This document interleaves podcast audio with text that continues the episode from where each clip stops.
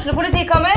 Ine Jansen er purk. Er du purk? The motherfucking bitch. Alt jeg vil, er å finne ut hva som skjedde med mannen min. Jon Carew. Er jeg sikta for noe? Iben Akeli. Det er du.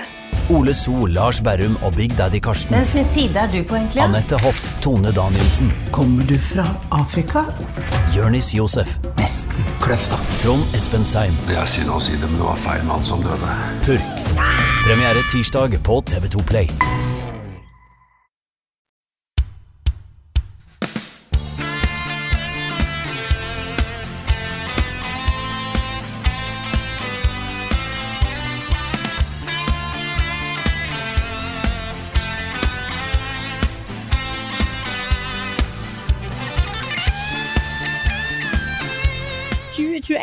2022, og vi er på plass nå med årets første podkast, er en litt spesiell podkast. Eh, vi skal snakke om både hva vi har gjort i jula, og spesielt hva vi gleder oss til i 2022. I dag er vi en god gjeng. Det er jeg er Frida Danmo, og med meg i dag har jeg Karl Martin Hogsnes, Rune Fjell Olsen, Niklas Halvorsen og Espen Pedersen. Hallo, folkens. Hello. Godt Hallo. nyttår, alle sammen. Godt nyttår. Ja, nå er vi endelig samla her igjen. Det er jo ganske lenge siden jeg har egentlig sett, eh, sett noen av dere. Ja. Det er lenge siden jeg har sett noen. Ja. Hvordan går det med deg, Rune? Nei, det, Nå går det endelig litt bedre, men jeg ligger våken og hoster hele natta, liksom. Jeg, er ikke, jeg føler meg ikke dårlig lenger. Det er denne dumme hostinga, altså, uh, som uh, er veldig plagsom. Jeg våkna klokka fire i dag, liksom, fordi jeg måtte hoste. Så du, Så, men du jeg har sendte litt hatt- av sykdommen din til Nick. Ja, kanskje det. Kanskje bare sånn via takkoverføring. Mm. Nei, jeg har jo uh, hatt korona i jula, og det anbefaler ingen, egentlig. Og så Det gikk jo etter forholdene veldig bra, da. Jeg er veldig glad for at jeg hadde to vaksinedoser. Jeg skjønner jo at det kunne vært mye verre, men uh, det var uh, rart, altså. Å ligge, være så sliten og trøtt, egentlig. For det var, største symptomet mitt var det, da. At jeg var sliten og trøtt og ikke hadde noe energi. Så jeg lå jo liksom i senga en hel uke. Orka ikke å se på TV, orka ikke å spille. Går ikke an. Da er det ganske tøft, altså. Ja, uff. Så, um, men jeg får uh, sende en liten hilsen til kona, da, som sørga for at det ble jul i år. Det var hun som lagde ribba og pinnekjøtt dagen etter. Uh, så, så det ble jul, og det var hyggelig. Så uh, det, er ikke, det er ikke synd på meg, altså. Men det er ikke sant, juleferie. Man skal liksom slappe av, Ja. lade batterier. Og så er vi i gang igjen med kanskje det viktigste året vårt noen gang, og så starter jeg liksom med flatt batteri. så jeg skal prøve å ta det litt kulig nå i januar, uh, egentlig. Men jeg må spørre det viktige spørsmålet, Rune. Ble det riskrem? Ja, det, det lagde jeg. Det lagde jeg. Jeg var jo eh, Jeg, var jo, eh, jeg testa jo negativt et uh, par dager før jul, så da var jeg liksom ferdig med korona. Så da lille julaften så lagde jeg sjukt mye grøt. så ble det masse riskrem som uh, Ja. eh, Nice. Jeg spiste i hvert fall halvparten av. Ja, men det er bra. Mm. Dere andre, hvordan har jula vært? Vi begynner med deg, Karl. Nei, det har vært bra. Vært mye, mye familie. Var hjemme i Tønsberg i ganske mange dager. Så eh, det var hyggelig. Jeg fikk, eh, jeg fikk kaffemaskin til jul. Nice. Og det er, eh, det er en liten sånn revolusjon i hverdagen. Altså. Mm. Jeg har jo liksom alltid bare laga sånn der pulverkaffe med teskje og, og sånn. Men jeg blir så fascinert fordi det er sånne kapsler som du putter inn i en maskin. Og så har du kaldt vann. Men så bare trykker du på en knapp, og så kommer det varm kaffe. Ja. Og det er sånn, hvor, hvor kommer varmen fra? Det er så fascinerende, fordi ingen av delene er varme. Så jo noe den maskinen er klarer å Ja, men den klarer liksom bli varm så fort. Ja, det er sant. Ja, Det er sånn med en gang, og det er så fascinerende. Så Jeg tror det er fordi de, de sender eh, vann gjennom en sånn tynn uh, ting som er varm, for da varmes vannet opp veldig fort. Og så når, når det går gjennom der, så når det er ute på andre siden, så er det varmt. ja, det er veldig fascinerende. Mm. Det er sånn, jeg, jeg sitter og liksom "How- do you work? Søstera mi jobba for en av disse kaffemaskinprodusentene. Jeg tipper det er den kaffemaskinprodusenten som du har fått, eh, Karl. Mm, Det kan hende. ja, så jeg har jo hatt det lenge, og det var eh, særlig de første par årene med en sånn kaffemaskin var en liten revolusjon. Mm. Jeg må innrømme at jeg ble litt lei etter hvert, da. Så nå er, det, nå er det vanlig filterkaffe fra en god gammel Mokkamaster fra 70-tallet eller noe sånt. Oi, oi, oi. Ja, men de holder i en evighet, de, gjør de ikke da? Ja, det gjør det. det, gjør det. Ja, nei, for jeg, jeg fikk også sånn Jeg tror ikke jeg ble lei med det første, for jeg fikk en sånn eske med masse forskjellige typer. Mm. Ah, Så i dag har jeg starta dagen med en Stormio. Og jeg vet ikke, jeg vet ikke hva det er for en gang, men det er, det er bra kaffe. Mm. Uh, ellers så har jeg blitt uh, farlig brutalt hekta på, uh, på Casey's Mod Inscription. Har brukt mye tid på det. Ja. Så, så ja, kan ikke klage. Nei, du Nick, hvordan går det? Eh, Og har det gått?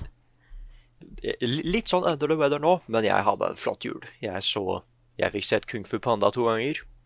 Oi, ja ja. Eh, og så var det Istid-maraton på TV3 eller noe sånt, så jeg så alle de. Oi, oi, oi. Og så fikk jeg mange fine gaver. Og, og, og, og så var det sånn perfekt med at uh, snøen hadde lagt seg ute. Men det var ikke så mye at jeg måtte måke, liksom. Det var én dag med mye snø, og så bare holdt det seg der gjennom hele jula. Det var digg. Det er Ja, for det er din jobb? Måke? Ja, som regel så er det det. Så da var det ganske greit at jeg ikke trengte. Nei, så Yes. det, det er egentlig det. Ja, har du spilt noe? Ja, jeg har spilt, jeg har spilt masse, masse Pokémon. Oh. For det, det fikk jeg til jul. Uh, Brilliant eh, Diamond, eller? nei. Jo. Jo, Diamond, ja. Ja. Eh, og jeg fant jo my boy. Ja, du gjorde det? Jeg fant my boy. Ja, fordi Hvem er min, your boy? min Jirachi heter Nick i Å, Ja, det er Jirachi, ja. Stemmer. Ja, ja, dette burde jeg jo visst. Eh, eh, Carl viste meg hvor, han- hvor han var, og da henta jeg han. Nice. Jeg eh, Ja, har du lyst til å gå før meg, Espen? Uh, ja, jeg kan jo var en kort og grei jul, egentlig. Uh, var liksom meg og moren min, stefaren min og broren min bare. Det ble litt sånn lite koselig. Um, og jeg, jeg fikk faktisk gitt bort uh, masse kule greier. Uh, som broren min, for eksempel, så ga jeg en sånn powerbank. Og det er sånne ting man ikke tenker på at man trenger. Men han var så glad for det, for han jobber som, uh, som rørlegger, og jeg har aldri, aldri strøm på mobilen sin, for han er så mye ute og farter. Så han bare sånn derre Åh, det trengte jeg, liksom. Da ble jeg glad for at jeg fikk liksom gitt en sånn kul gave, da. Ja, men det er jo de beste gavene. Når du, når du klarer å gi noen noe de ikke vet at de ønsker seg, Ja. Åh. da har du, da har du vunnet jula. Ja, og så var det sånn samme med mamma også. Det var sånn, jeg ga henne en bok, og hun bare sånn Å, akkurat den har jeg ønska meg, liksom. Så jeg var sånn Hva skjer? Hvor, hvor flaks har jeg ikke nå? Superjul eh, for Espen her, sa jeg. Mm. Jeg tenker det er greit å nevne, ja, siden du, du har ikke vært med i podkasten så ofte, så hvis det er noen som bare hører på podkasten vår, så han lurer på hvem i all verden er Espen, Ja. så har jo du jobbet med oss en, ja, et års tid nå cirka. Mm. Litt mer, kanskje. Mm. Uh, filmer og klipper uh, mye for oss. Um, og er ansatt på 50% stilling. Oh yeah. Så um, da, i februar så skal uh, du og Carl og Nick og jeg inn på kontor sammen her i Oslo. Det skal vi, I hvert fall hvis vi, hvis vi får lov å ikke jobbe hjemme, da. Ja, det er sant. det er sant, det er sant. Og så bare, Siden du ikke er med i podkasten så ofte, Espen, du tar eget opptak nå, ikke sant? Ja, jeg, jeg tar eget opptak nå. ja, det er bra. Jeg kom plutselig på at det nevnte du ikke før vi starta. Da blir det, det podkast med Espen. uh, Nice. Ikke at vi som sitter og snakker med noen som eh, dere som hører på, ikke hører. Det også kunne vært et sosialt eksperiment, at vi alle sammen hadde en fantasivenn som bare ja. hørte, og så må Det publikum bare gjette altså. seg til hva de sier. Mm. Nei, men eh, skal jeg fortsette? Jeg hadde en veldig koselig jul. Eh, Det var jeg bare nær familie. eh, Men fikk, fikk gjort alt jeg skal. Fikk sett Flåklypa. Fikk spist god mat. Jeg spiste altfor mye mat, tror jeg, men da er òg sånn det skal være. Uh, og jeg har uh, gått tilbake igjen til en gammel Ikke gammel, men klassiker. Jeg har spilt veldig mye Stardew Valley i jula, fordi at der viste det seg at det var masse nytt innhold jeg ikke hadde fått med meg. Eh, og dette er jo kanskje noe som er Jeg vet ikke når det kom ut. Det kan være det har vært ute kjempelenge. Men jeg har ikke fått det med meg, så da har jeg eh, kost meg egentlig veldig mye med i, i jula. Jeg har lyst til å nevne et par ting før vi går videre til alle det eh, tette programmet vårt. Yes? Fordi det kom en nyhet nå siste døgnet som, som var veldig trist. Uh, og det er jo at Pineleaf, i dette Trondheim-studioet bak Dwarfheim, uh, nå er slått konkurs. Etter at eh, spillet bare har solgt eh, 30 000 eksemplarer. Det er veldig lavt, altså. Jeg tror de har slitt voldsomt med å få oppmerksomhet, rett og slett. eh, internasjonalt og nasjonalt. Um, dette er på en måte et eksempel. da. Altså, det er så mange som snakker om hvorfor ligger vi så langt bak Sverige og sånne ting. Og det er fordi i, i Sverige og alle land som på en måte har blitt store innen, innen spillutvikling, så har folk gjort den type satsinger, og så er det plutselig en av de som treffer. Men veldig ofte så treffer de jo ikke. Og da er man jo avhengig av eh, snille investorer eller annen type finansiering for å kunne fortsette. Fordi du sitter i flere år sant, og jobber med svære spill som du har høye ambisjoner for, med masse folk, eh, og så lanseres det. Og så er man da avhengig av salg. Og hvis det ikke kommer, så har man et kjempeproblem. For da skal man jo settes ned igjen sant, for neste spill i tre år, to år, fire år, fem år. eh, Og jobbe med det, og det må jo finansieres det også, ikke sant. Så men det var veldig trist, og det jobber veldig mange flinke folk i Pineif. Jeg håper, eh, jeg håper de får seg nye jobber. Jeg håper at eh, de kan gå inn i 2022 um, med litt mer sikkerhet enn en sånn type konkurs eh, bringer med seg. da. Så eh, det var eh, synd å høre. Jeg vil også eh, bare nevne veldig veldig kjapt at det er et sånt fenomen som går på eh, nett nå, Ja. som heter Wordle. Ja, jeg har hørt, Jeg hørt koser meg sanger sånn om med dette det hver her. dag. Ja, så en, en, en gang i døgnet så kommer det et nytt ord, og du har seks eh, forsøk på det til å finne ut hva det ordet er. Så du starter med å bare skrive et ord, og har mange har jo da et, et startord som de pleier å bruke. Mitt var penis, for det er lengden, da. Eh, men jeg har endra sånn at jeg får inn et par eh, andre bokstaver eh, som ofte blir brukt i ord, da. Så er det pe får- penis. Penis, penis, penis. Dette er engelsk ord, da. Eh, og så får du eh, oransje hvis ordet er med på feil plass, og grønt hvis ordet er med. Ja, stemmer, er bokstaven. Og grønt hvis bokstaven er både med og på rett plass. Og så må du bruke den informasjonen da, til å neste rad ikke sant, gjette hva det ordet er. Så hvis du har sett masse sånn derre uh, Wordle, eh, fem av seks, uh, 201 på Twitter og sånne ting i det siste, og så sånne eh, grønne og gule blokker under hverandre, det er det det er, da. Og det slippes midnatt hver dag. og det er det er liksom 15 minutter med med meditasjon i hverdagen, altså. Det er kjempeålreit. Jeg har fått det som en veldig fin start på dagen. Eh, gå og løse den, altså. Det er kjempegøy. Ja, det er ordentlig, ordentlig bra. Og nå er de oppe i 202 ord, så de har holdt på en stund, da. Ehm, eh, men det er mange ord da som er seks bokstaver. Så de har, de har mye å ta av. Eh, det er fem bokstaver, er det ikke? Det må det være. Fem bokstaver. Det er fem bokstaver. Det er fem bokstaver. Men da, før vi går videre til, eh, til 2022, så må vi jo nesten runde av eh, spillåret 2021. Eh, og der er det en liten ting som gjenstår. Eh, vi hadde jo i forrige episode eh, en Level Up Awards, våre skåringer på de beste spillene. Men vi har jo òg lagt ut en poll på Patreon og fått inn eh, seerne slags lytterne sine favorittspill. Og eh, skal vi ta topp tre? Topp Ja. tre er bra. Yep. Topp tre. Da, hvis jeg har sett rett, så er fjerdeplassen eh, med 17 stemmer, den er Forza Horizon 5. Og så har vi en delt andreplass, folkens. Faktisk. Og der står Metroid Dread og Resident Evil Village. Eh, begge har 23 poeng. Ja, klapp, klapp, klapp. Og vinneren med 46 stemmer, altså dobbelt så mange som andreplassene eh, hadde, eh, finner vi It Takes Two. Så Jeg tror det er en liten feil her også. Jeg tror det skulle vært Returnal. Nei, jeg, jeg syns det er helt Men det er fordi Men det det er er altså- stemmer, vet du, fordi folk spiller det sammen. Ja. Ja, det er jo det, ja. Det er så- det er sant. Nei, men jeg, jeg syns jo det er en, eh, var en fin liste. Også det er fire veldig bra spill, og de var jo også oppe til vurdering for oss når vi skulle kåre årets spill. Mm. ja. Eh, og vi stemte jo da fram Returnal, selvfølgelig, som alle husker fra forrige episode. Metroid Ja, det var Dread var en liten akkurat typo der. Var det, ok, ja, greit. Liten typo. Uh, men dette er jo fire spill som har prega året, så um, ikke overraska over at de havna såpass høyt. Det er sant. Um, Og Level Up Community er da enig med Game Awards også. Det vant jo også Josef Fares uh, årets spill. Mm. Ja, det er veldig, veldig bra. Men da går vi videre til 2022.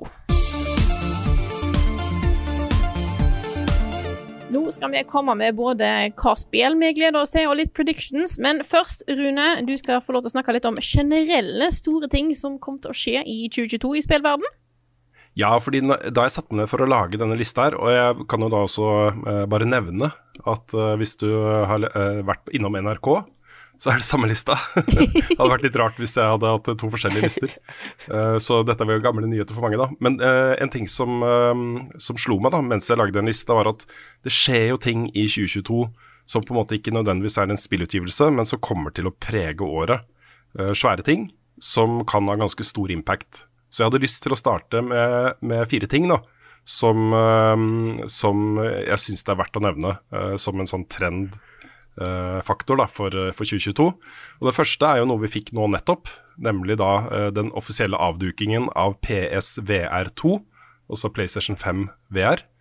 Um, jeg må jo si at uh, av alle de VR-kitsa og headsetene jeg har sett uh, lansert, uh, som ikke har Facebook i ryggen, så er det ja, Jeg har veldig tro på dette her. Og hovedgrunnen til det er at det er én kabel. Altså det er én kabel fra det kittet, headsetet, til PlayStation 5. Det er plug and play VR.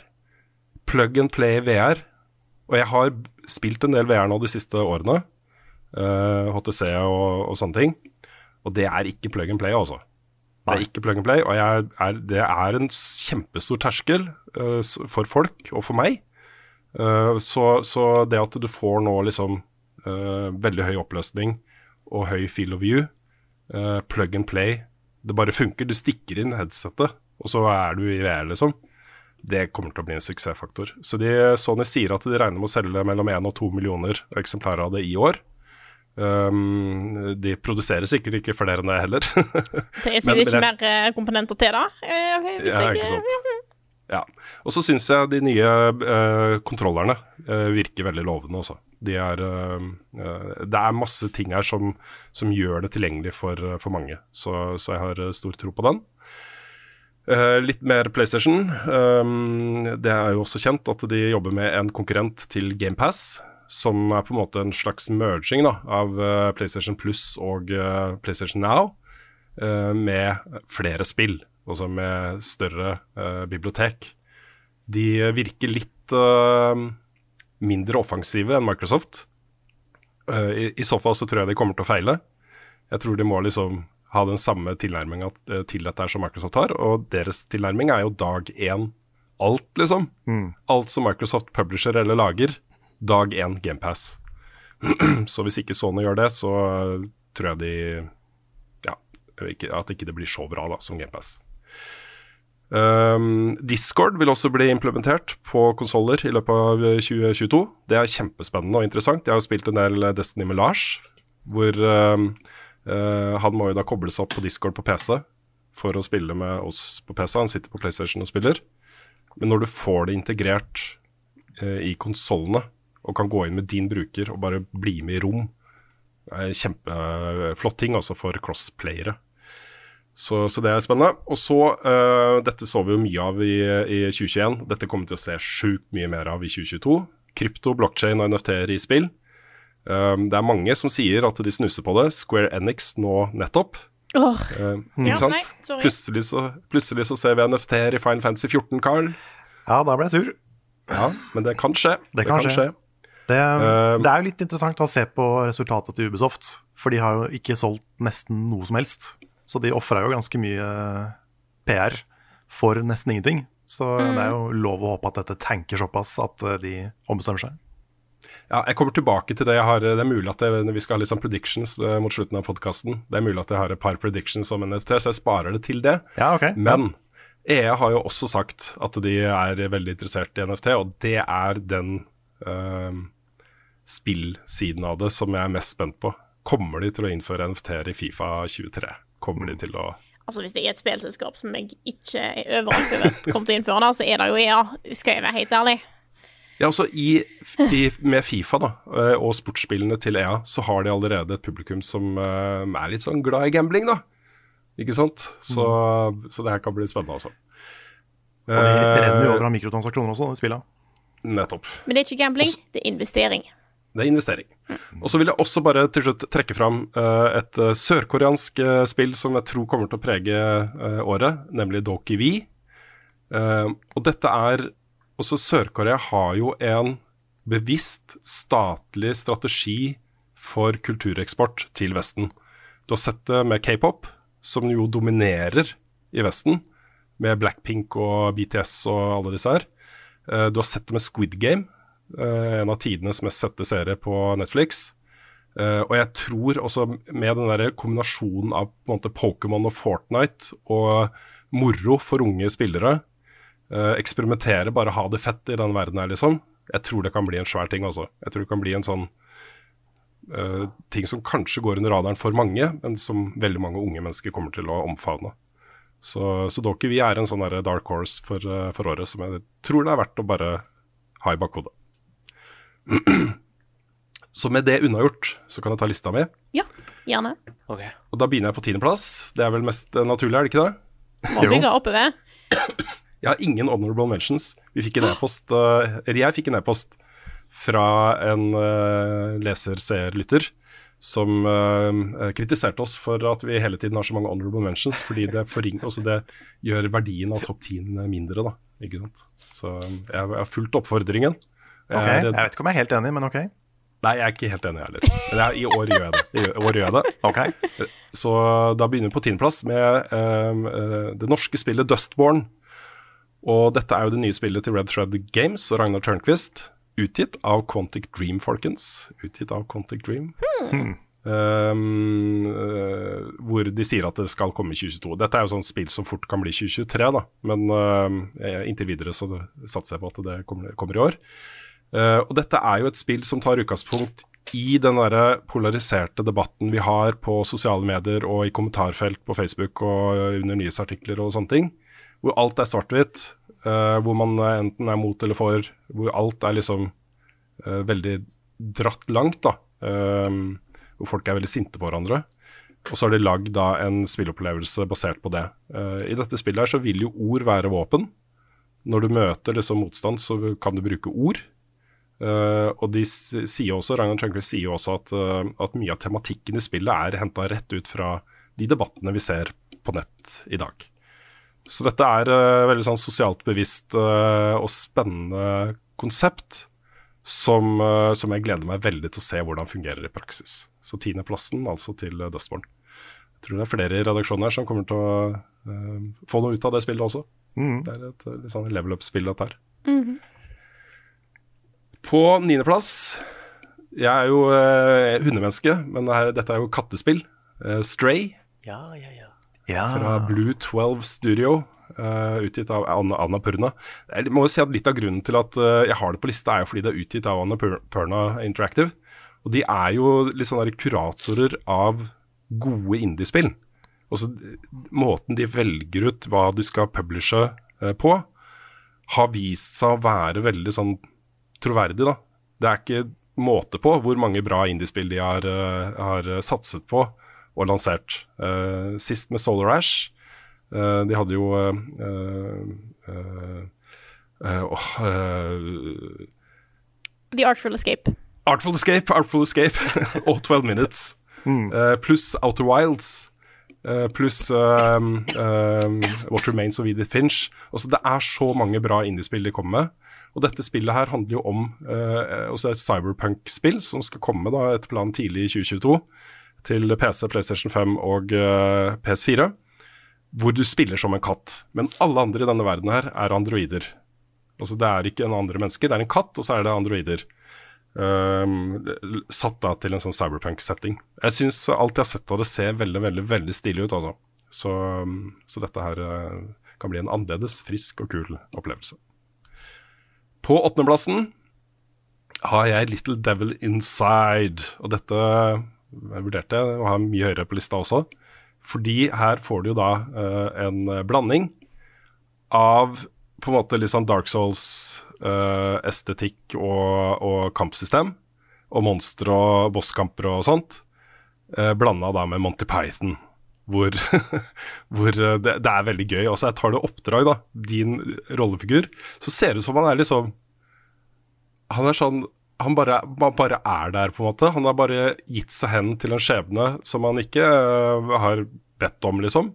Men du ser han liksom ute i jungelen eller i ørkenen eller et eller annet liksom gjemt bak en stein mens det er noen monstre i bakgrunnen. Også. Han bare er liksom en sånn rar rollefigur som er til stede, og han Mm. gjør da oppdrag for en sånn utrolig eksentrisk britisk lord. Det er den lorden som sender han rundt i verden på disse oppdragene, uh, uvisst av hvilken grunn. Men uh, det ser kjempekult ut. Det er jo da utviklet av Neostream Interactive. eh, og kommer på PC, PlayStation 5, PlayStation 4, Xbox One og Switch. Ikke fått dato, men um, tipper 2022 på det. På sjuendeplassen har jeg det nye spillet til Arcane Studios, um, Redfall. Redfall, dette er jo et spill som skal komme til sommeren på PC og Xbox uh, Series X og GS. Um, hvor um, uh, handlingen foregår da i byen Redfall. Hvor det er en sånn derre uh, hemmelig base som eksperimenterer med ting. Eh, og der går det galt, og så kommer det vampyrer. Eh, og dette er jo et sånt Det ligner litt på Left for Dead, eh, Back for Blood-type Mm. ting. Du kan spille i co-op med venner. Men så har det da liksom kreativiteten og estetikken til, til Prey uh, og Dishonored. Jeg tror det er teamet bak Prey uh, som har lagd dette spillet, eh, hvis jeg ikke husker helt feil. Så um, ja, det ser kjempestilig ut. Og det er et eller annet med disse Arcane-spillene. De har funnet et formspråk. Også disse menneskene og rollefigurene i dette universet her. Du kan se at det er et Arcane-spill bare av å se på liksom formene på ansiktet og, og sånt. Jeg syns det er litt kult, altså. Så øh, tror jeg jo at det vil komme flere store Xbox-spill i år som vi ikke vet øh, om ennå. Uh, sånn av type Hellblade 2, eh, kanskje, liksom. Eh, Fable 4, kanskje. Men det er liksom ikke noe kjent om utgivelsesdato på noen av de spillene, så jeg valgte liksom ikke ha det med, da. Sant. Perfect Dark er jo også annonsert. Ja, det tror jeg nok er lenger unna uansett, altså. Men uh, um, så skal jeg tilbake til et annet Xbox-spill senere på lista. også så nevnt. uh, på sjetteplass har jeg spillet som vant den første kåringen av beste spill under Tribeca Film Festival, som er en av de toneangivende indie-filmfestivalene i verden, nemlig Norco. Og Norco står for New Orleans Refinery Company. Dette er jo et eh, ekte sted utenfor New Orleans, eh, med rundt 7000 innbyggere. Eh, og det er da ansatte på dette oljeraffineriet i New Orleans som bor der. Altså det er et samfunn vokst opp rundt et oljeraffineri, hvor Ja. eh, eh, ja, Nå mista jeg tråden fordi hunden sitter og piper. Dette er et indiespill utviklet av Geography of Robots og utgitt av det, den svenske publisheren Raw Fury.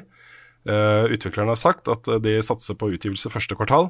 Og dette er et pek og klikk. Det kunne ha kommet ut i 1996, liksom. Pek og klikk uh, adventure-spill. Hvor handlingen har liksom én fot inn i veldig sånn sosialrealisme. Uh, hovedpersonen i dette spillet har liksom forlatt hjemstedet og den, det fengselet fra hjemstedet sitt, og kommer tilbake fordi moren er borte. Uh, og det er liksom masse sånn mystikk uh, rundt akkurat det der. Hva har skjedd med moren og uh, den type ting. Pluss den derre Night in the Woods, komme hjem type tematikken, da. Ja. Um, og så er det blanda med sånn futuristisk sci-fi. Og så her, Dette er jo en verden hvor det er liksom veldig sånn filosofiske roboter og, og sånne ting. og sørstats sånn mystisisme, eh, voodoo-type ting. da. Ja. Jeg, det er jo en demo som ble lansert av dette spillet i fjor, som jeg spilte i to-tre timer. Og den var altså så kruttsterk. Manuset her, manuset og historien og fortellingen, blanda med en veldig sånn kul um, måte å lage pek og klikk eventyrspill på. Uh, du kjenner igjen liksom puzzles og sånt. Du kommer til et sted hvor du må liksom ha en ting for å kunne komme inn akkurat den døra og sånne ting, men den tingen må du finne et annet sted, og så må du kanskje komme tilbake seinere når du har funnet den og sånne ting. da. Så, um, så dette har jeg kjempehøye, kjempehøye forventninger til. Så nå er hun redd for et eller annet her også. Hva er det du er redd for, jenta mi? Et eller annet. Det er ikke farlig. Beklager. Det går helt fint.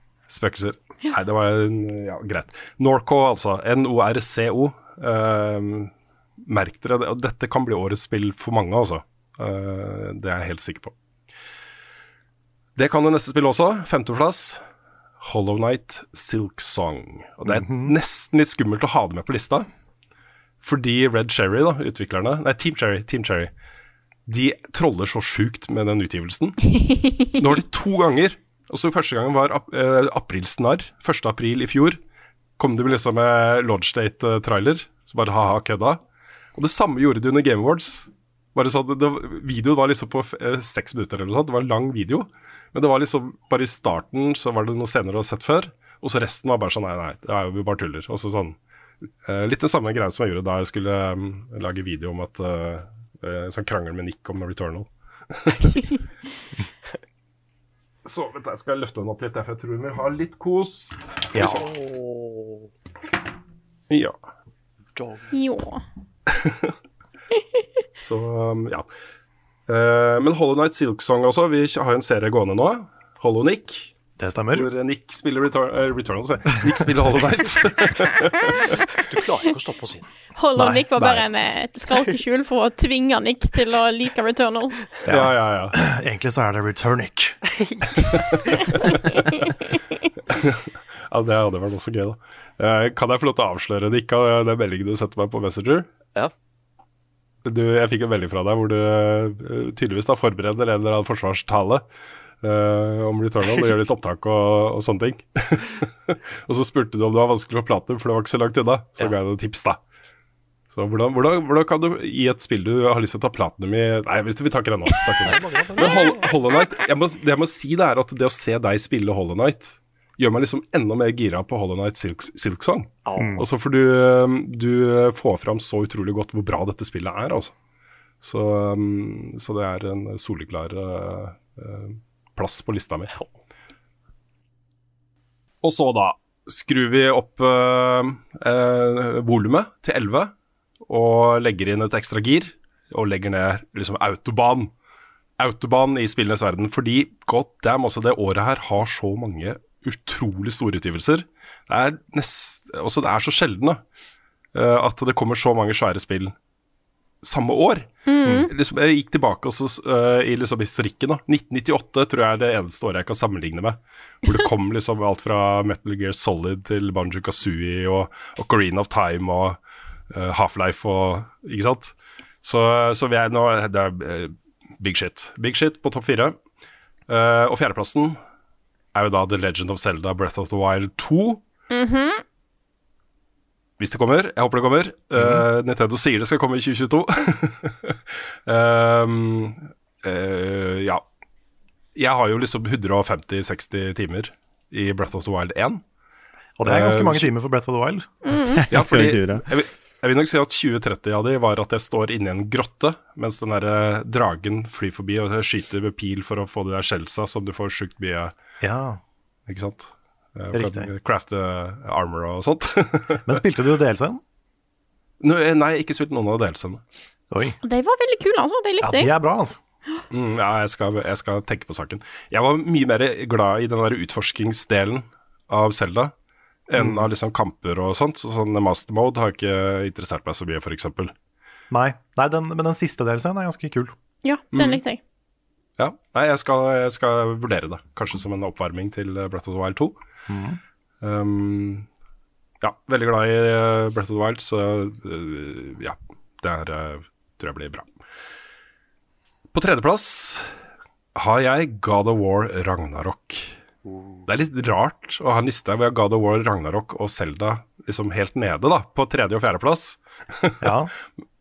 Men uh, ja. Um, jeg sitter jo faktisk og spiller God of War på PC nå. Jeg kan ikke si noe mer om det uh, ennå. Det, det lanseres jo neste uke. Eh, men PS4-versjonen, og den var særlig da, den versjonen som er på PlayStation 5, med 60 bilder i sekundet og sånt, er jo helt sjukt bra. Altså, for et spill, altså. Eh, og jeg tror den eneste grunnen til at, uh, at det blir liksom tredjeplass og ikke første eller andre, liksom, det er fordi Corey Barlog ikke er regissør. Det er liksom den eneste grunnen jeg kan peke på. Ja. Um, jeg vet jo at historiene er, er, er liksom skrevet og på en måte outlina allerede før første spill ble lansert. Uh, men jeg tror det, altså, den påvirkningen han hadde på den retningen det spillet tok, må ikke under, underdrives, altså. Uh, han fikk så stor kreativ frihet til å ta liksom, et velkjent actionkonsept inn i helt ny eh, retning. eh, og moderniserte hele greia, liksom. Og det, det er magisk. Um, jeg vet ikke om de klarer å gjenta akkurat den tingen, da. Men um, jeg tror dette her blir bra også. Jeg tror dette her blir uh, fantastisk. Så, Det er jo på en måte allerede et dritbra spill hvis de bare fortsetter det de begynte på i Det er akkurat ja, det det. første God of War. Og det, for det er jo eh, ikke det første God of War, men eh, det forrige God of War. Mm. Og det er jo et av tidenes beste spill, liksom. Ja, det, det er helt vilt hvor bra det spillet er. Og det er helt vilt hvor store sjanser de tok, eh, og hvor godt betalt de fikk for å ta de sjansene.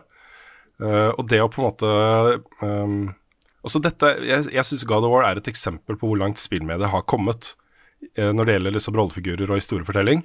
Hvor de tar en tradisjonell actionhelt som egentlig bare er kjent for å være innmari sint. Eh, og et konsept som har liksom ha-ha, her er det pupper, liksom. Nå skal Kratos inn på uh, bathhouse og ha seg med disse damene som du kan se puppene til. Og litt sånn uh, overdreven, spekulativ sånn tortursekvenser. Og det, er, det har vært mye da i disse spillene som er veldig sånn tilrettelagt for en veldig spesifikk målgruppe. Og den målgruppa er liksom unge gutter og menn, da. Um, I en æra hvor uh, actionspill var forventa å være liksom litt endim endimensjonale. Og ikke et vondt ord om God of War 1 og 2. Jeg elsker de spillene. Jeg syns de er kjempebra som spillopplevelser.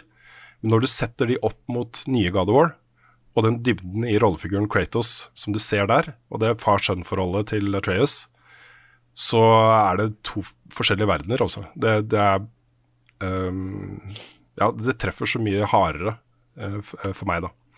Jeg vet jeg vi har en annen uh, stor God of War-fan. Skal vi krangle om dette også, Nick? Nei Vi er ganske like her, faktisk. Tro det, da. Mm. Altså, jeg ga jo God of War 1 og 2 terningkast 6 da jeg anmeldte det, uh, og står for det fortsatt. Da de kom, også som spillopplevelser. Fantastisk. Jeg er veldig glad i action adventure-spill. Uh, med Metroidvania-elementer, sånn som God War også har. ikke sant? Hvor du får abilities etter hvert, og så kan du reise tilbake til de tidligere områdene og få tilgang til nye ting uh, hele veien. Det er uh, åpne kister ikke sant, og finne ting, og så kan du bruke de tingene til andre ting. Alt det der er bare dødskult. og ikke minst da bosskampene. Ja, jeg skulle til å si det, for kampsystemet også har jo mye mer dybde enn det de gamle hadde. Ja. Så, så det her uh, blir jo uh, julekveld når det kommer ut. Jeg gleder meg sånn. Og så da på andreplass er det nesten Det er ganske jevnt også med førsteplassen. Uh, Starfield fra Bethesda. Lanseres uh, da ifølge Bethesda 11.11.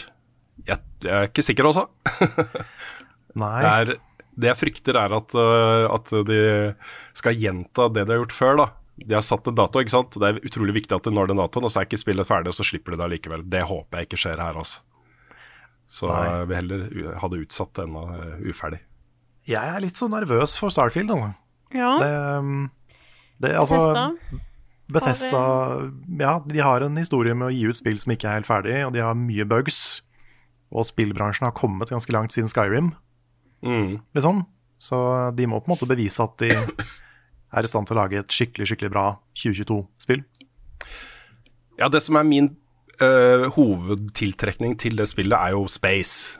Også det er et svært åpen verden-rollespill in space, hvor jeg blir da flytter inn i et univers hvor jeg kan liksom sette meg inn i mitt eget romskip og fly mellom planeter og gjøre ting i mitt eget tempo, og liksom valgfrie sideoppdrag og bli en del av dette universet. Det er jo det jeg gleder meg til.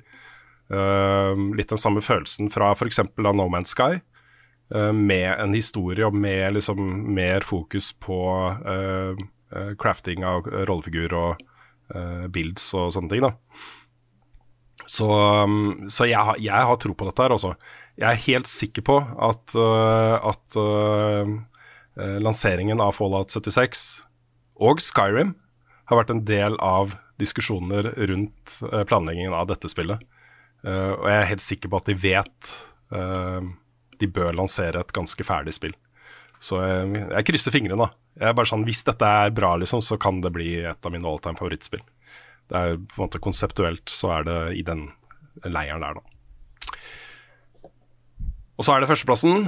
Sjokkerende. Eh, ja, det blir ikke utsatt. Det er Det vet vi. altså, det kan hende at det blir utsatt, men ikke til neste år i hvert fall. For det kommer allerede 25.2. Ja. 25.2 er mm-hmm. datoen. Jeg har spilt det. Jeg har spilt et tech-demo av det, og det virka nesten ferdig. Fuck yeah. Elden Ring, selvfølgelig. Elden yes. Rings, god, god damn, altså. ah, ingen over, ingen ved siden. Mm -hmm. Det er jo litt sånn, da. Mm. Det er jo litt sånn. Um, dette er jo den største satsingen til From Software uh, til nå. Hvor, uh, hvor, de på en måte prøver å ta et konsept som har vært litt sånn kultprega, vil jeg jo si, da selv om det har millioner av spillere, og det blir kåra til tidenes mest innflytelsesrike spill og alle disse tingene her, liksom, så er det jo ikke på nivå med Skyrim og The Witcher 3 og um, GTA og, og sånt, også andre åpen verden-spill, men det er det de prøver på nå. De prøver å lage en åpen, verden-opplevelse med liksom designprinsippene fra uh, det vi kjenner fra før. da. Så det kunne liksom vært Dark Souls 4 i en åpen verden, dette her, uh, egentlig. Sånn uh, estetisk og, og opplevelsesmessig. Men, men, det er rart, altså, den der følelsen av å komme ut av den første liksom, bygningen, en kirke eller hva det, hva det, er, og så bare se den verden strekke seg ut foran deg på den måten. Mm. Der, Aldri opplevd i noen FromSoft-spill fra før, akkurat den følelsen. Nei, det er sant. Det er veldig den derre Akkurat samme øyeblikket som når du kommer ut av starten i Breath of the Wild og ser ja. Hyrule åpne seg. Det er yes. akkurat, akkurat, den følelsen. Mm. Så, så, her får du da en kombinasjon av en åpen verden med sjukt mye valgfrie ting, og den litt sånn stramme Her skal du liksom finne ut hva som har skjedd i den verden her, og hvordan du skal fikse den, og uh, møte alle disse bossene, og komme inn i disse borgene og hulene og sumpene og alle disse områdene som, uh, som denne verden består av, da. Uh, det, det er nesten farlig vet, å ha så høye forventninger til noe. Fordi nå har jeg gått og liksom tenkt på Elden Ring omtrent daglig siden det ble annonsert. en eller annen gang i løpet av dagen så dukker det opp en tanke om at faen, Elden Ring er en ting, liksom. Det kommer. ja, Men etter at vi spilte det For jeg klarte meg ganske fint før det. Ja. Men etter at vi fikk spille den network-testen, så har jeg også hatt det sånn. Jeg ja. sånn for jeg, jeg, har spilt det, jeg vet hvor bra det er. Mm. Mm. Og jeg, jeg, driver og tenker på hvilken bild skal jeg velge i starten, og hva skal jeg leve Og så jeg begynner å planlegge hva jeg skal gjøre når du kommer. Og det er vanskelig Det er uutholdelig å vente, altså. Dere er ganske deep i, i dette, altså. Det... Ja, vi er det, altså. Ja. Men, men, det er noe med at vi vet allerede hvor fett det er. Og det er ikke sånn at vi kanskje det blir bra. Vi har liksom spilt det, vi vet at det blir bra. Vi vet at det blir bra. Vi vil bare ha mer. ja. Nei, det var jo i, um, i, uh, den lista som jeg hadde på NRK, så skriver jeg at på min uh, topp ti all time så har jeg fire spill fra uh, From Software. Og det er litt kjedelig, da. Uh, det har, men det har jo vært sånn før også. Jeg har liksom På topp ti så har jeg hatt Metal Gear Solid 1, 2 og 3. uh, og så videre. Men, uh, men det er sant, altså. Også Dark Souls, Dark Souls 3, Bloodborne og Sekiro er liksom topp ti all time spillopplevelser jeg har hatt noen gang. Um, og hvis Elden Ring holder den kvaliteten, liksom, så er det jo liksom en sånn soleklar førsteplass. Da. Det er ikke noe annet som uh, kan måle seg med deg, liksom. så ja. Sjukt gira, sjukt gira. Jeg må bare si helt til slutt at jeg tok ikke med uh, Destiny 2 uh, The Witch Queen på lista mi. Um, og det er litt feigt av meg. Det burde være der, egentlig. Fordi uh, dette er jo på en måte i praksis Destiny 3. Um, ikke en expansion, men jeg valgte å liksom la være å ha med expansions. da.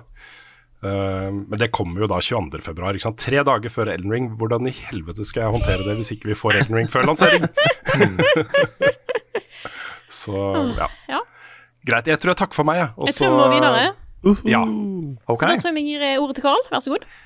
Thank you, thank you. Det blir jo da Jeg kan jo avsløre såpass som at halvparten av lista er ganske lik som Rune ja. sin. Eh, det blir nok litt litt, eh, litt den øvre halvdelen av lista er ganske lik. Det blir nok litt sånn som vi får holde ting litt, eh, litt kortere, og så, så, går det bra, dette. Oh, ja da, vi går, vi går, fort videre på de vi har snakka om før. Men yes. på tiendeplass har jeg Pokémon Legends Arceus. Og det er på tiendeplass fordi jeg er jo usikker på om det faktisk mm. blir bra. Ja. Det er jo første gang uh, Gamefreak prøver seg på noe sånt. Det så jo først ut som et Breath of the Wild-Pokémon. Uh, nå høres det ut som det er litt mer et Monster Hunter-aktig Pokémon-spill. Så begge de to er jo kule i teorien. Så eh, gjenstår å se hvor bra det faktisk funker. Det er jo mye, mye delte meninger om det som har blitt vist så langt, og, og sånn, men jeg, jeg syns det er kult at de prøver noe nytt, og jeg håper det blir bra. Jeg tror uh, Pokémon-serien har tatt godt av at liksom en ny oppskrift kom på banen. Så det, det, er spennende.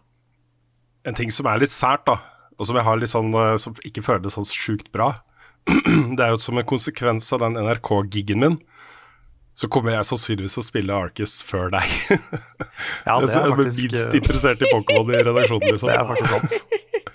Så, men jeg skal spille det med sønnen min. da Han Ja. er jo veldig inne i Pokémon, så det kommer, jeg gleder meg veldig til den opplevelsen. Å spille sammen med han. Mm, han, får, Så- han får lære deg opp. Ja, det, ble- det må han. Det Og så får jeg stå på andre sida av vinduet og se inn. ja. Ser Se det renne i tårer sakte ned. Ja. Mm, Eh, NRK Privileges. Det er, eh, ja. Her kan du se. Men på niendeplass har jeg Triangle Strategy. Ja. Ja. ja. Dette er jo en spirituell oppfølger til Final Fantasy Tactics, som er et eh, kjempe, kjempebra spill. Vet veldig lite om historien og alt det der, som var ganske bra i Tactics. Um, men det ser ut som det har mer eller mindre samme kampsystemet. Så det ser spennende ut. Så er det jo Er det ikke Er det ikke Octopath-teamet, Nick? ja, det tror jeg det er. Det er i hvert fall samme visuelle stilen, som Ja, er dritfin. ja, men jeg tror det er det samme teamet. Ja. Og de også er jo veldig gode på både visuals og musikk og det ene og det andre. Mm. Så um, har trua på dette her. Det blir eh, spennende. På åttendeplass har jeg uh, det, det meme-worthy spillet Stranger of Paradise. Final Ja. Fantasy Origin. Og eh, dette er sånn Jeg håper historien blir dritteit, for jeg tror ikke den blir bra. Så jo teitere den blir, jo morsommere blir det. Eh, Men dette er jo da et, eh, et slags Souls-aktig spill, eller sånn kanskje nærmest Nio i, i gameplay. Bare da satt i Final Fantasy 1-universet. Så det er en uh, morsom kombo. Jeg har jo spilt begge, begge de alfa- og beta-testene som har kommet ut, og syns de var bra. Eh, historien er jo ikke bra. Hovedpersonen er eh, dritteit, men jeg håper liksom de tar det helt ut. Og at de har litt sjølironi på han hovedpersonen, fordi han er så dust. At ikke det er meninga han skal være kul, liksom. Kan hende det blir kjempe, kjempegøy også hvis det er meninga han skal være kul, og så bare funker det ikke. Ja, det Men, ehm, men ja. Uansett om det blir uh, bra altså Jeg tror spillet blir bra, men historien er jeg også veldig spent på. Jeg håper den enten er bra eller dritteit. Og så, på sjuendeplass, har jeg Horizon Forbidden West. Og det, det ser jo latterlig pent ut og kult ut ut fra det vi har sett så langt. Det er liksom Horizon skrudd opp til 11. Mm. Aloy har en glider. Det er jo den, kanskje den tingen folk savna mest i det første. Mm. Så, og så er jo liksom Horizon-universet er en kul sci-fi-setting Ja. Mm. med mye sant. bra law og, og sånn. Og det um, gleder jeg meg til å se mer av. Håper de liksom tar den historien til kule, nye steder. Jeg kan jo nevne da at etter den lista mi ble publisert på NRK, det jeg har fått mest spørsmål nå, er er hvorfor hadde jeg ikke med Horizon på lista mi? Mm. Det er mange som har spurt om. Uh, og det er, det er litt vanskelig å svare på det, fordi um, jeg, jeg har veldig tro på oppfølgeren. Men Horizon 1, jeg er ikke så glad i det spillet som uh, en del andre er. Jeg syns starten var kjempebra, jeg syns slutten var fantastisk. Uh, og jeg syns på en måte bakgrunnslåren og ting du på en måte gravde deg fram til universet, var kjempebra. Men jeg syns det hadde et stort, siderumpa, tungt og litt sånn overlessa midtparti. Som føltes litt sånn der by the numbers. Uh, bare ikonet på et kart. Ja, det gikk litt i den open world-fella. Ja, Den Assassin's Creed-fella, på en måte.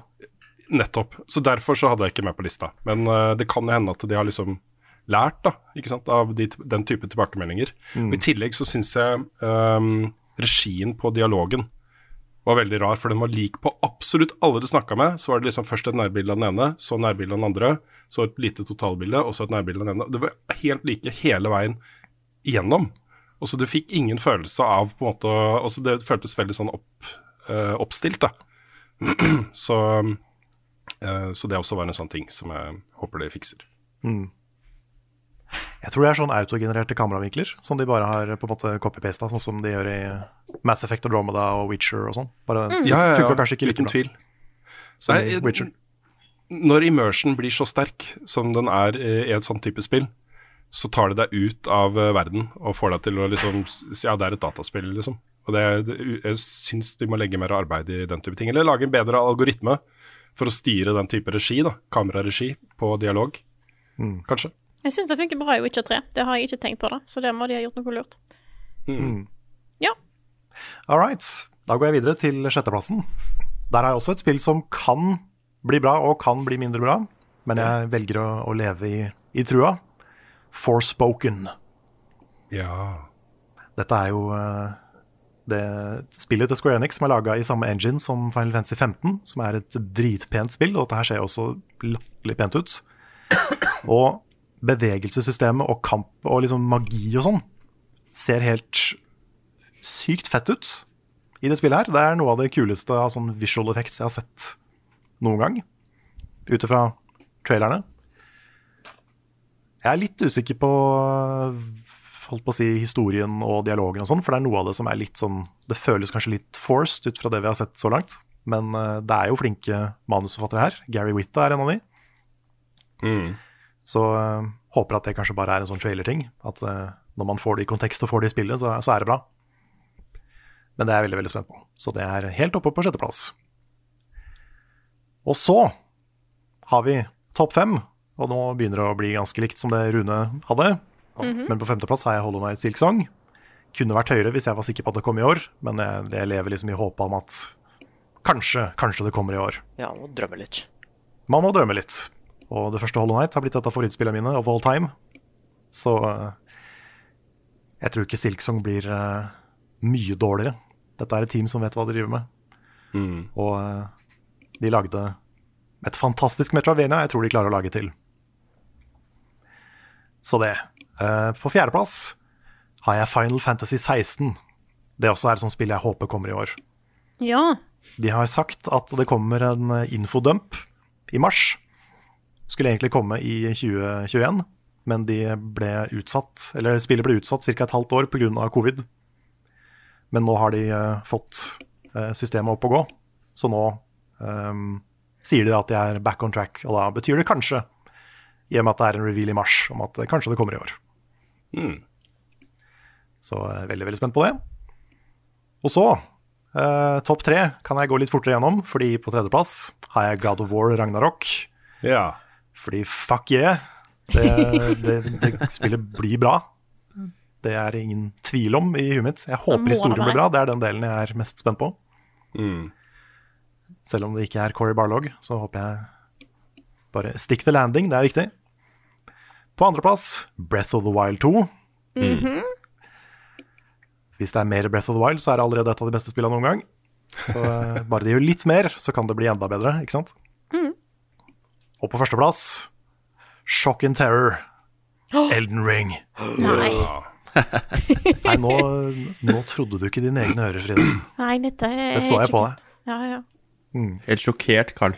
Helt Ja. sjokkert. ja. Nei, det er samme som Rune sa. Det er, det er det spillet jeg suverent gleder meg mest til i år. Så det, okay. det var meg. ja. Nick, har du lyst til å fortsette? Jeg kan ta den. Nå er jeg litt lav energi, men jeg skal prøve. Å, jeg er så spent. Oh my god, jeg klarer dette. Ok. Reglene mine, da. I can do this. Reglene mine er at eh, det må, det må ha sagt at det skal komme i 2022. Okay. okay. Eh, men bare så lenge de var sånn, da hadde det vært fett hvis det kom i 2022. Men vi er ikke helt sikre. Men vi, hvis de har de nevnt året, så er det innafor for meg, da. ja, ok. Men jeg har for eksempel ikke med Hellblade. Bare fordi at det ikke er De har ikke sagt noe om når det kommer. Selv om jeg er ganske Ja, så Hellblade hadde jo vært sånn type topp tre-fire for meg, hvis, det hadde, hvis de hadde sagt det, liksom. Ja, Hvis de hadde sagt 2022 i en eller annen sammenheng. Ja, for jeg er også der, liksom. Mm. Uh, nei, så jeg bare Jeg tror det kommer i år, men dessverre så fulgte ikke kriteria på lista her, da. Ok. På tiendeplass, da. Da har jeg Shifu. Shifu. Oh. Dette kung fu-spillet, lagd av de samme folka som lagde Absolver. Stemmer. Eh, der hvor når du dør, så blir du eldre. Og hvis du blir for gammel, så må du starte på nytt igjen. Jeg syns det er så fett. Du blir eh, eldre, men du blir også sterkere, men har mindre helse hver gang du dør. Ja, ja, ja. Det er en så utrolig kul måte å tenke progresjon og, og rogelike på. Mm. Hvor ok, du har blitt klokere, du har lært mer, men du tåler mindre fordi du har blitt eldre og mer skrøpelig, liksom. Ja. Det er, fader, det er fett, altså. Nei, så jeg er, jeg, jeg er veldig spent på åssen det faktisk funker. For Mm. ideen er så kul. Jeg har sett noe gameplay dukke opp, men jeg vil bare gå inn helt fresh. Og hvis, bare, ja, hvis gameplay er bare litt bedre enn det som var i Absolver, men det er et ordentlig spill bygd rundt det, liksom sånn, Mm. Ikke superbeefy, men litt sånn god lengde på det, så er jeg så med. Men OK. Dette er, jeg har sett en del sånne der, uh, kamp, uh, kampsportfilmer fra uh, ja, Asia. Og dette er jo på en måte altså de der, Du kommer inn i et rom, og så er det altså De kampsekvensene, de regisserte kampsekvensene, dette er jo det. The game. Ja, ja, ja. Det er så fett, altså. Jeg, jeg, bare, jeg bare gleder meg sånn til å sette meg ned med det. Mm. Nei, så, så det var på nummer ti. På nummer ni, da, så har vi Stalker 2. Ja. Husker ikke hva hele navnet var. Jeg skrev bare Stalker 2. Heart of Chernobyl, tror jeg. Ja, Heart of Chernobyl. Ja, eh, og egentlig bare kjempespent på å se det spillet i next gen-grafikk, liksom. Uh, Er du lei deg for at de droppa NFT og sånt? Ja, jeg trodde de skulle gjøre det riktig, og så får de ikke muligheten. Mm. Nei, nei, jeg bare tuller. Nei, det ja, Jeg skjønner ikke helt åssen hvordan de kunne tenke det på starten av. Men nei, universet er så interessant. Det er det eneste spillet der hvor en bug faktisk er en feature. Um, for det er sånne anomalies, ikke sant? Du vet ikke hva som foregår i Chernobyl. Plutselig skjer det rare ting. Åh, Men tenk så praktisk, da. Hvis det er masse bugs i spillet, kan du bare si at nei, det skal være sånn.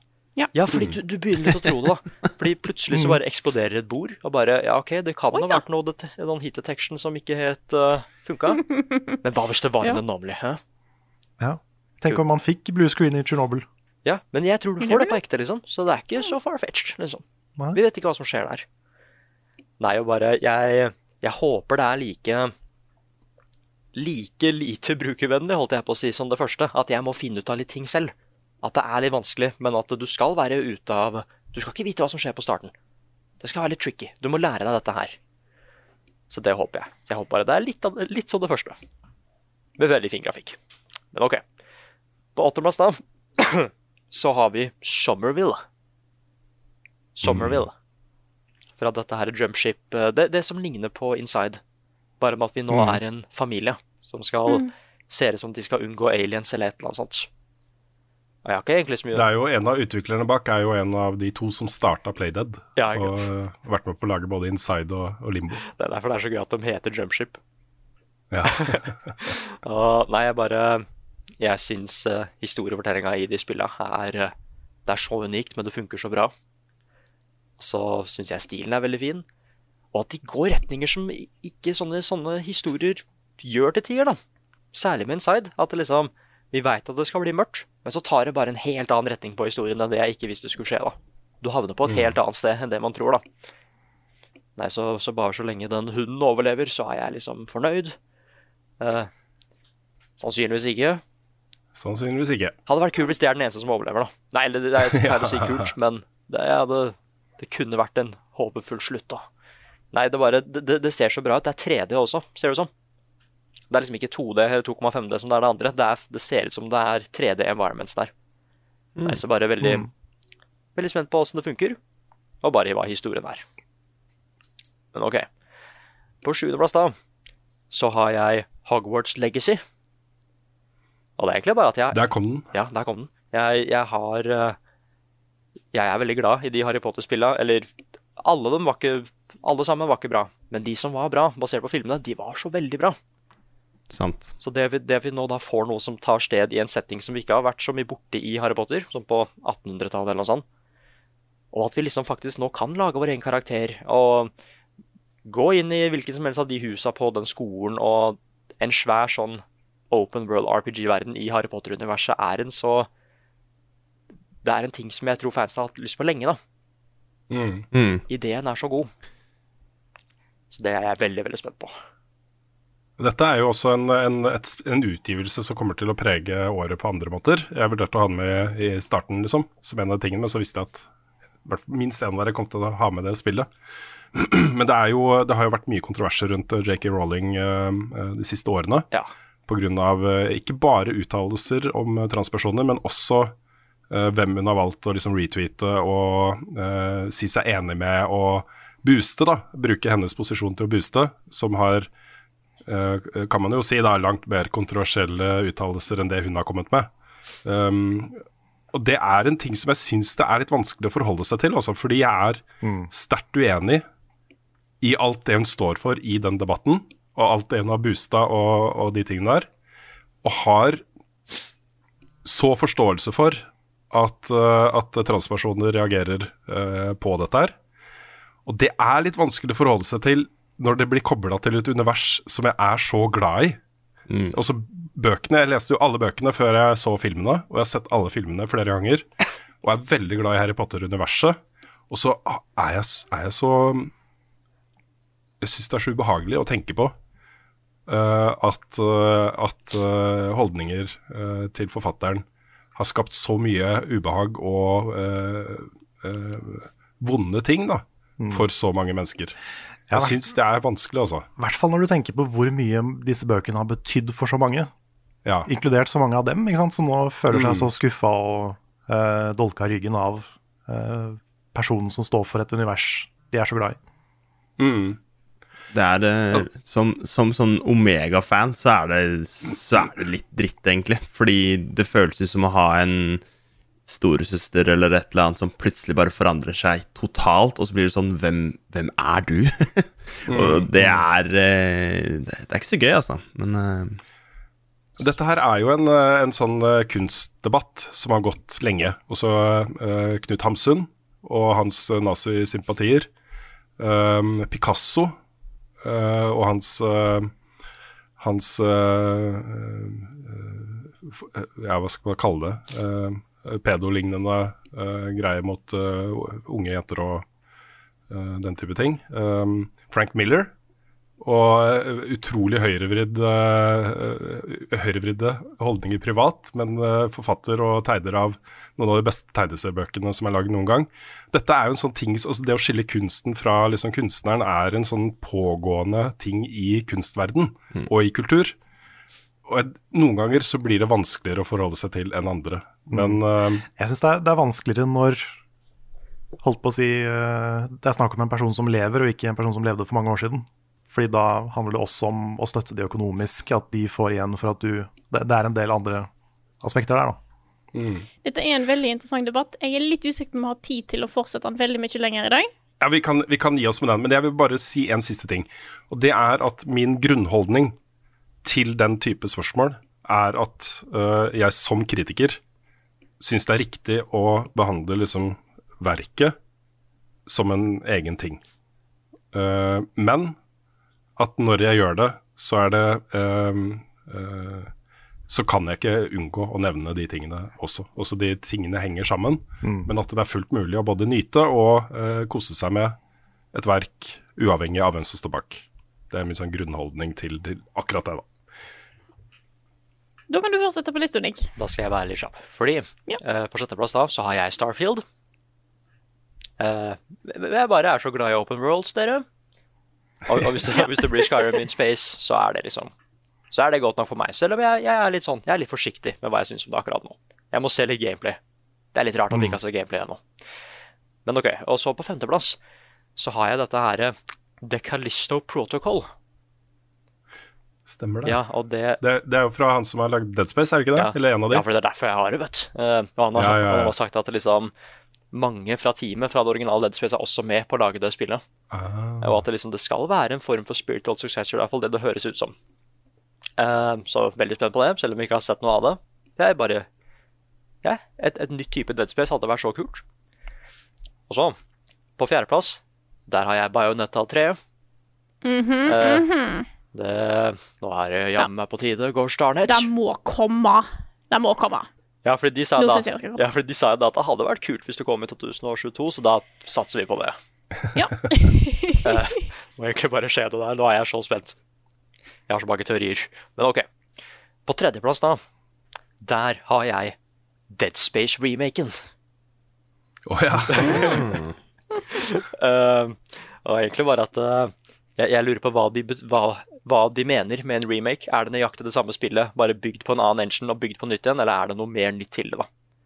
Det, det hinter kanskje til at det er det, at de skal ta historien i en litt sånn annen retning, eller noe sånt, som jeg er veldig spent på. Derfor har jeg ikke spilt Jeg hadde tenkt å spille det første nå, men da venter jeg med det, så jeg kan gå helt eh, blindt inn til dette remaken. ikke sant? Det er mye jeg ikke husker og sånn. Eh, og på andreplass, da, der har jeg Elden Ring. Ja, jeg sa det. Uh, Oh my god. ja, kanskje det er fordi jeg ikke har spilt det nå, liksom. Hvem vet? Mm. Ja, kanskje. Jeg på Ja, for du er en av de som har vært avholds. Ja, det er sant. Jeg uh, Mm. Åh, fy faen, jeg hadde lyst. Dere snakka så godt om det, men jeg kunne ikke. Jeg må gå inn helt blindt, liksom. Da Ja, tror du, jeg det blir du, har vilje, du har viljestyrke, Nick. Ja, Nei, så jeg veit jo det blir bra, liksom. Det er Fromsoft, in, in Fromsoft we trust og alt det der.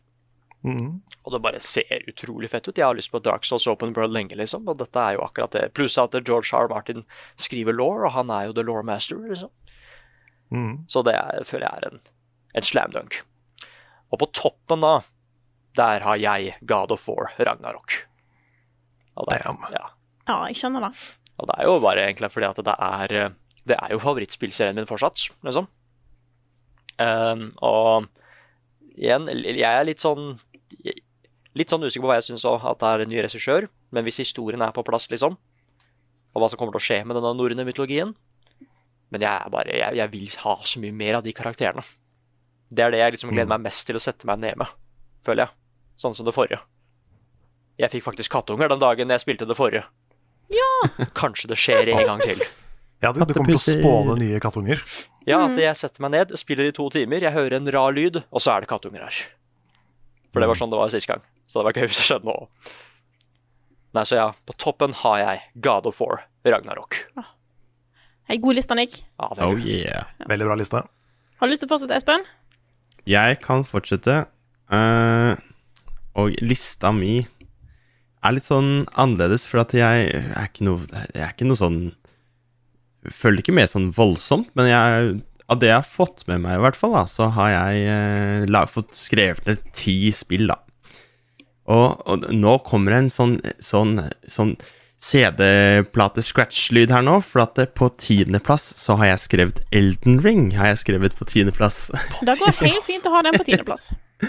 Fordi det er det spillet som jeg på en måte har eh, Jeg har gått ut ifra at det er spill som jeg må ha noe følelse for, holdt jeg på å si. Og så har jeg liksom bare tenkt at ok, det er kult, men det er på tiende. Mhm. Og så eh, på niendeplass, jeg vet ikke hvordan man sier det engang, Sifu. For jeg syns det så Sifu, Sifu et eller annet. Eh, dette slåssespillet så veldig eh, kult ut. Og så har jeg skrevet på åttendeplass. Der har jeg skrevet Redfall. Og det var det derre skytespillet eh, som Rune snakka litt om i stad. Eh, så også bare ganske kult ut, eh, egentlig. Eh, og på syvendeplass så har jeg skrevet opp Starfield. Det er egentlig bare litt fordi det er vel Betesta eller noe sånt som, som lager det. de, eh, de er jo flinke, så så så det litt spennende ut òg, så da tenkte jeg vet du hva, det, det kjører vi på med. Um, og så Min sjetteplass. Og jeg er egentlig overraska at det ikke er noen andre her som har sagt det, men eller tror jeg. Eh, Det er i hvert fall det nye Sonic-spillet. Frontiers. Ja. Sonic Ja. Frontiers. Sonic Ja. Frontiers. Det det, hadde kanskje fått en honorable mention hvis jeg hadde kommet på det. Mm. Ja, nei, jeg bare syns at det Det bare så så kult ut. Det var liksom Jeg likte grafikken, og jeg er veldig spent på det, bare, egentlig. Det er lov å Ja, håpe. Jeg liker, at, jeg liker at jeg ble mer gira på, på den første teaseren de viste, enn det dere to ble, Frida og Carl. Men det er fordi vi har blitt såra så mange ganger. vet du. Ja, det er sant. Det Det er sant, er, det er sant. altså, det er noe som heter The Sonic Cycle, Ja. hvor et uh, Sonic-spill blir annonsert og ser kult ut. Og det blir hypa opp og hypa opp og blir mer og mer gira. Så kommer det ut, er dårlig, og så blir alle skuffa, og så starter det på nytt. Mm. Og det, sånn har det vært så mange ganger at jeg, jeg er veldig forsiktig med forventninger. Men jeg tenker at et open world Sonic-spill kommer til å bli enten dritkult eller underholdende rart. Vil- Kanskje jeg- underholdende dårlig. Nå når vi først er inne på dette her, eh, jeg skal ta det veldig kjapt. Vi skal, hvis vi rekker det, så skal vi se litt på hva vi har eh, eh, Noen predictions vi hadde i fjor. Jeg vil bare ta opp en du hadde fra i fjor, Karl. Mm. Du predikta at et nytt Sonic-spill skulle vises. At det har en ny stil, og ser ganske lovende ut. Ja, Mm. det er ganske safe prediction. Ja, det er spot on. Yes. Vær så god, Espen. Fortsett. Ja, ok. Og da har vi kommet til min uh, femteplass. Der har jeg skrevet opp uh, Mario pluss uh, Rabbit Spark of Hope. Ja Og det Stemmer. Syns jeg også så ganske spennende ut. Er litt usikker på liksom Jeg har ikke sett noe gameplay fra det, men eh, av det lille jeg har sett, så var det Så det liksom litt sånn nytt og friskt ut da i Mario-universet. De har hatt ra- rabbits før, men jeg jeg bare Det er femteplass. Ja, men det, det, det første var veldig bra. Det var skikkelig, skikkelig bra. Så Mm. jeg har trua på nummer to. Og så Min fjerdeplass, der har jeg eh, skrevet opp God of War Ragnarok. Rett og slett bare fordi jeg syns det første var ganske kult. Uh, og det er God of War. Det er ikke så mye å si på det, egentlig. Det meste har blitt sagt. Um, ja. Min tredjeplass, der har jeg skrevet opp eh, nye Zelda, Breath of the Wild 2. Bare fordi eneren, wow, det var så bra, så Give me another one. Kjør på. Og så eh, Min andreplass, og det her, det her er sånn spill som har blitt utsatt så mange ganger, og det har plagd meg så mye. Um, og jeg har diskutert det her med venner, og det har bare vært sånn Åh! Og det er Lego Star Wars uh, The Skywalker Saga. Ja. Det har de liksom De har presentert det som et nytt spill så mange ganger, og det er sånn Folk er sånn Wow, det kommer Men så er det sånn Jeg har sett denne traileren før. Dere har vist det før, liksom, og jeg vet at jeg har sett det før. Og det er liksom sånn Det virker som de bare utsetter og utsetter og utsetter. Og utvikleren sånn Ja, men det, det, det, det er egentlig ferdig. Så er det sånn Ja, hvorfor utsetter dere da? Det er merkelig, det der med, Ja, det er veldig rart. med det, altså De Lego-spillene har jo solgt vanvittig bra, har blitt en viktig del av livene til utrolig mange. Mm. Det er også et godt eksempel på spill som, eh, som er sånn perfekt familiespill, da, hvor foreldre kan spille med barna, og søsken kan spille sammen og, og den type ting. Mm. Uh, og så er det Mange av de er skikkelig gode. Ja. Altså Med veldig god humor basert på kjente merkevarer. Hvor de kan liksom tillate seg å tulle med Marvel, og de kan tulle med Star Wars. og Mm. uh, Det blir skikkelig gøy, da. Jeg tror grunnen til at det har blitt utsatt så mange ganger, er at det er jo ikke det første Lego Star Wars-spillet som har kommet ut. Nei. Og jeg tror de altså min, min spådom er at de har hatt litt problemer med å få dette spillet til å skille seg nok ut fra de tidligere Star Wars-spillene, Mm. rett og slett. Så, um, så, så det, det er derfor jeg tror det har blitt utsatt. Jeg tror de jobber med liksom tone og form og innhold som eh, skal føles friskt, selv om de har lagd lignende type spill før. Ja, nei, jeg bare er, er veldig fan av de Lego-spillene. Syns det er veldig Veldig artig spill, så jeg er så spent. Jeg har bare lyst til å, å spille det, egentlig. Mm. Um, og så er det førsteplass, da. Og det er eh, sikkert ingen sånn voldsom overraskelse, men det er det Hogwarts Legacy. Mm. Og det handler om veldig mye. Men uh, jeg er bare omega Harry Potter-fan, liksom. Eh, og i jula så så jeg alle filmene, og jeg liksom på en måte har sånn masse tradisjoner for Harry Potter-universet. Og eh, spesielt etter fordi at jeg så den her eh, HBO-tingen. er sånn-?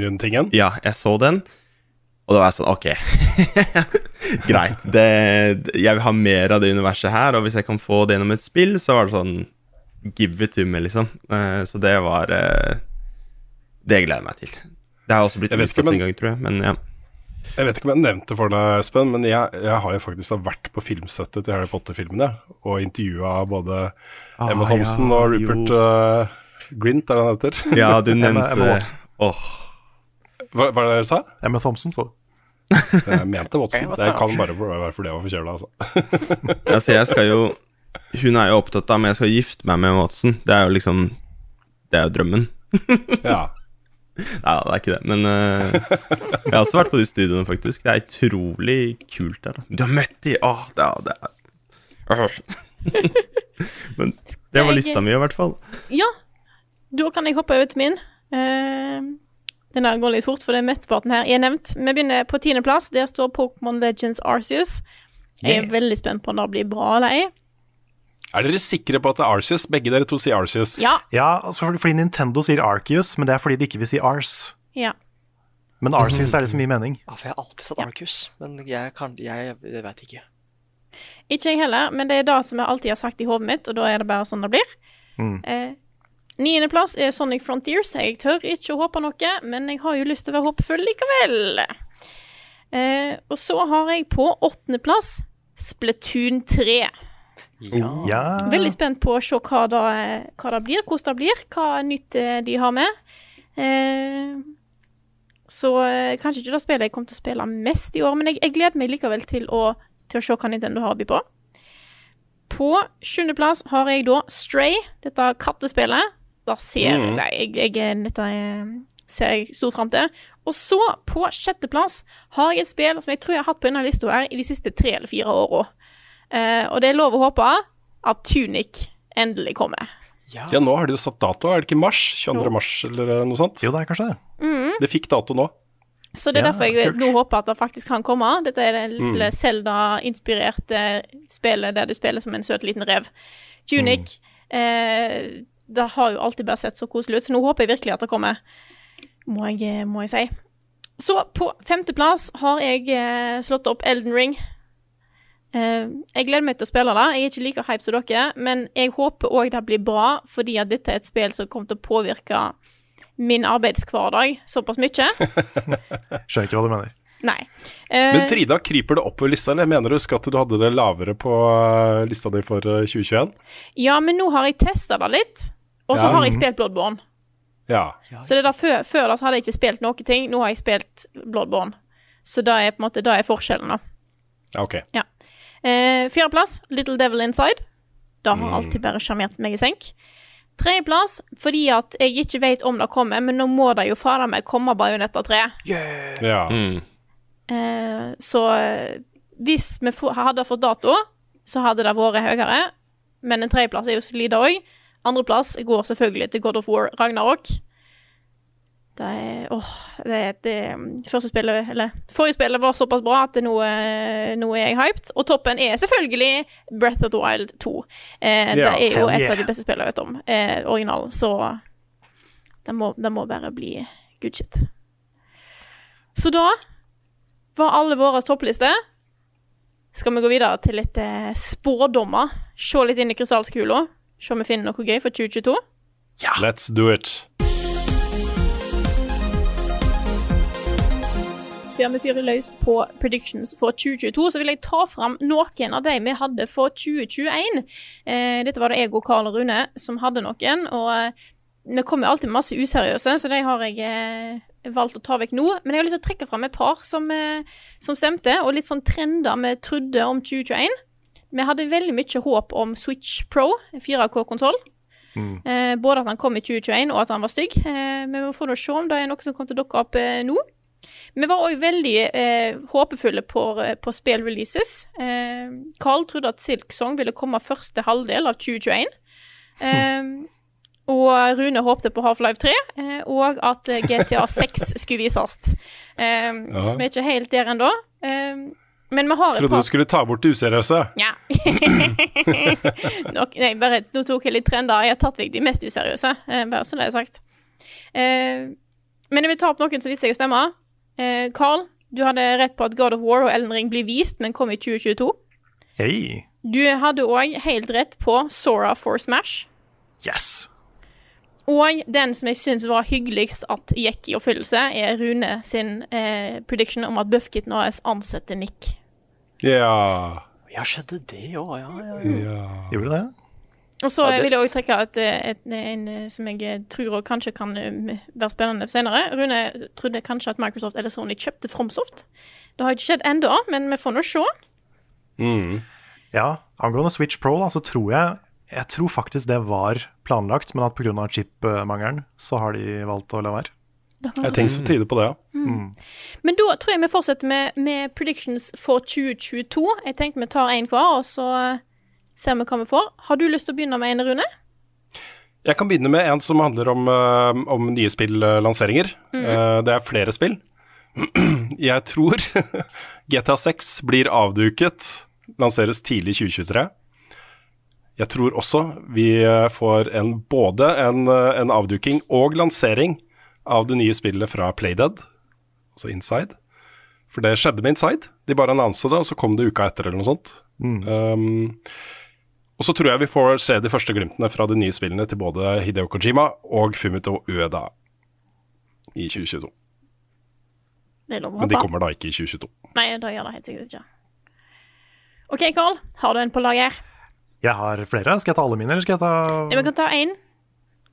OK. Eller, ok. eller vi kan ta alle. Det er litt det samme. Jeg tenkte kanskje vi skulle bare på en måte Da tar vi, da tar vi en. Da begynner jeg på min første. Mm. Uh, skal vi se her. Pokémon Legends Arceus blir ganske bra, men en stor andel av fansen kommer fortsatt til å hate det, og skjeggete menn lager YouTube-videoer om at det nå i hvert fall er de ferdig med Game Freak. Ja. Ja. Ja, Det kommer jo til å skje uansett. ja, ganske, så det var ganske, en safe, safe prediction. ganske safe prediction. Ja. Nick, har du en? Uh, jeg tar da The Classic. Mm -hmm. Godhand. Ja. ja. Og det er det. Da kan jeg ta en classic. Rayman. Oi.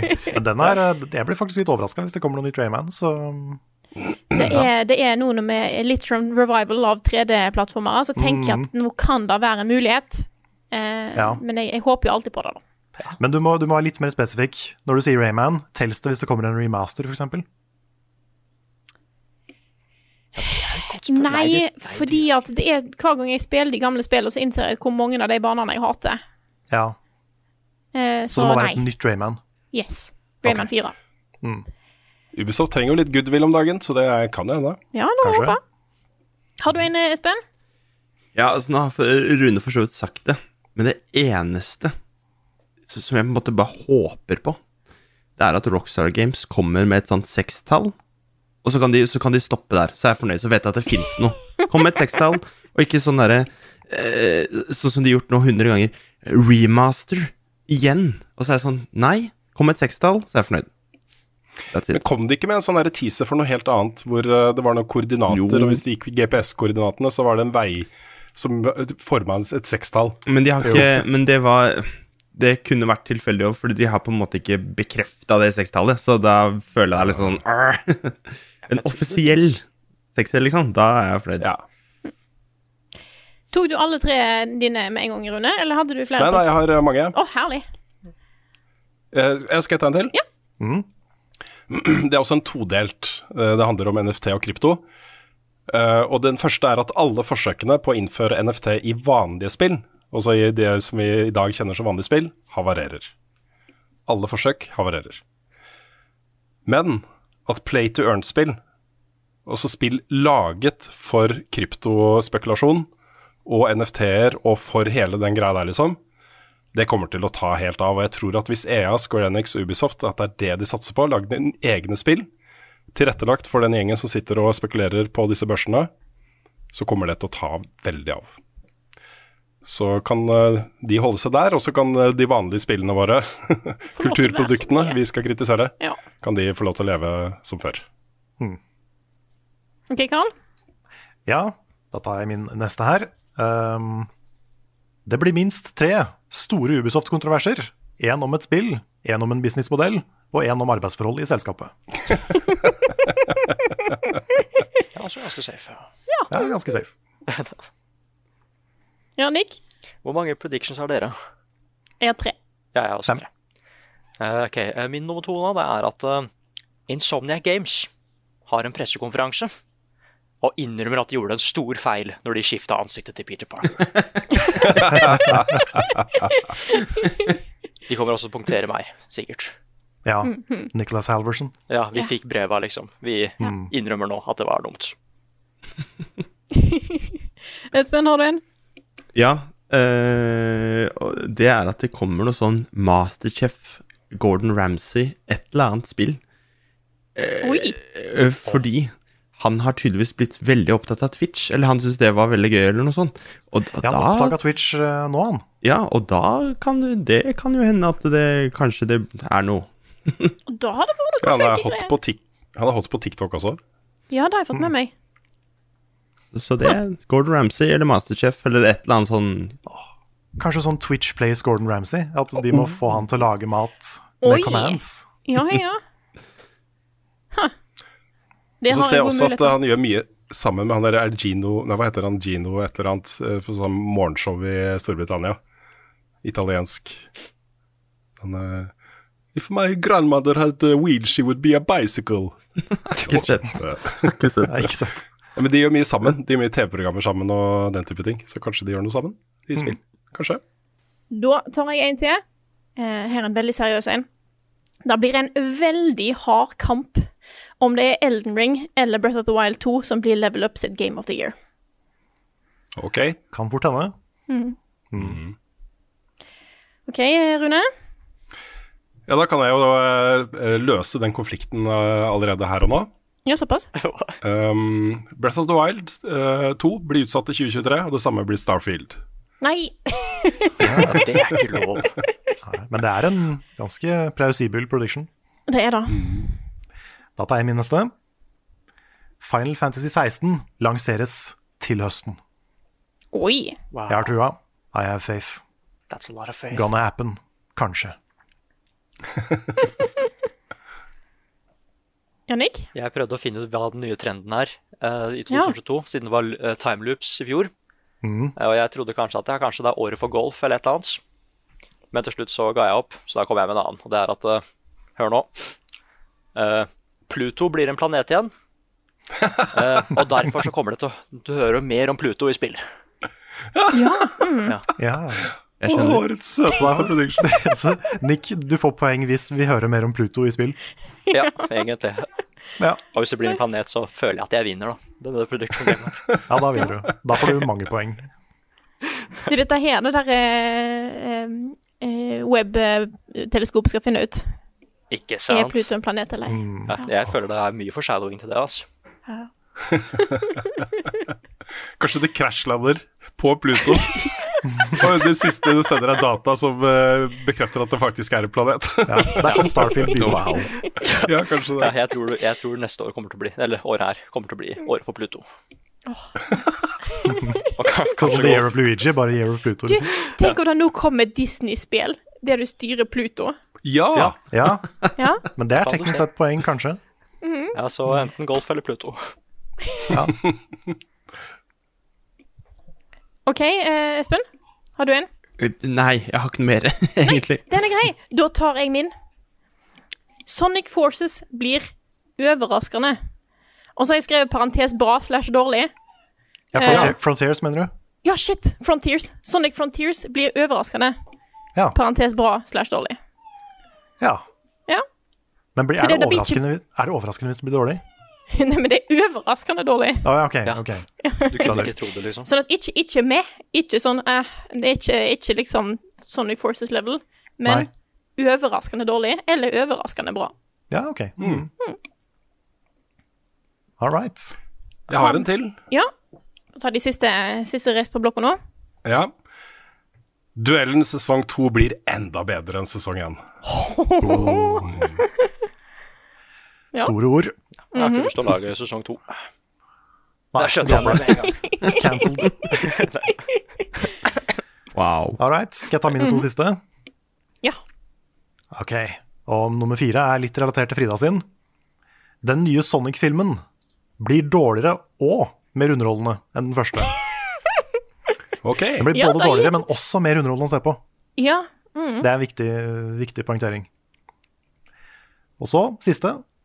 Level Up-redaksjonen deler ut over fem ti av ti scores i løpet av året.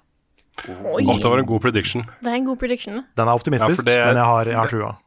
Ja, for Poenget er at det året her er bare helt insane, altså. Både på indie-siden og på sånn blockbuster-siden. Ikke sant? Dette er et sånn type år hvor det kan hagle med tiere og, og sånt. altså. Åh, hva om det vi ikke vet om ennå? Ja, ikke sant? Det er Ja. kanskje til og med et spill vi ikke vet om ennå, blir Game of the Year, ikke sant? Det er alltid de spillene jeg gleder meg mest til, er det jeg ikke vet at kommer. Mm. Yeah. Åh, da er av våre eh, predictions for 2022. Skal vi ta eh, runde av her for i dag? Ja, vi har fått eh, noen spørsmål som jeg har lyst til å ta opp neste uke også. Ja. Um, så det blir sikkert en beefy og fin eh, spørsmål- og svar-spalte neste uke. Da blir det. Jeg rakk ikke noe, men vi tar det neste uke, så dere er langt ifra glemt. Som er da, så sier jeg bare Level, Up, Level Backup er en podkast utgitt av moderne media. Låten i introen og outroen er skrevet av Ole Sønnik Larsen og arrangert og framført av Kyosho Orkestra. Vignettene er lagd av fantastiske Martin Herfjord. Du finner mye mer innhold fra oss på youtube.com slash levelupnorge og twitch.tv Nei, det er det ikke! Det er det ikke. Jeg har hatt juleferie. Nå har jeg glemt ting. YouTube.com slash levelupnord og twitch.tv slash levelupnord. Eh, Vi har òg en Discord, discord discord.gg slash levelupnorge, og en Patron, patron.com slash levelupnorge. Så gå gjerne inn der og støtt oss hvis dere har lyst til det, sånn at vi kan fortsette å drive eh, og kjøre på i dette fantastiske året 2022, som kommer til å bli helt insane for level up. Det er bare til å glede seg. Oh yeah. Så yeah. Og med det så sier jeg tusen takk for denne uka her, og så snakkes vi igjen neste uke.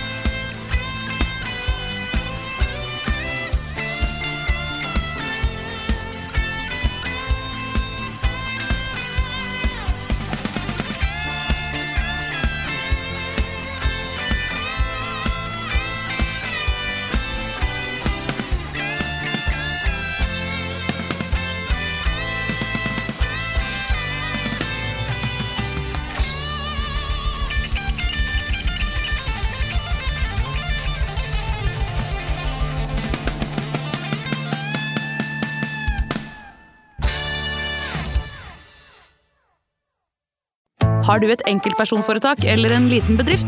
Da er du sikkert lei av å høre meg snakke om hvor enkelt det er med kvitteringer og bilag i fiken, så vi eh, gir oss her, vi. Fordi vi liker enkelt. Fiken superenkelt regnskap.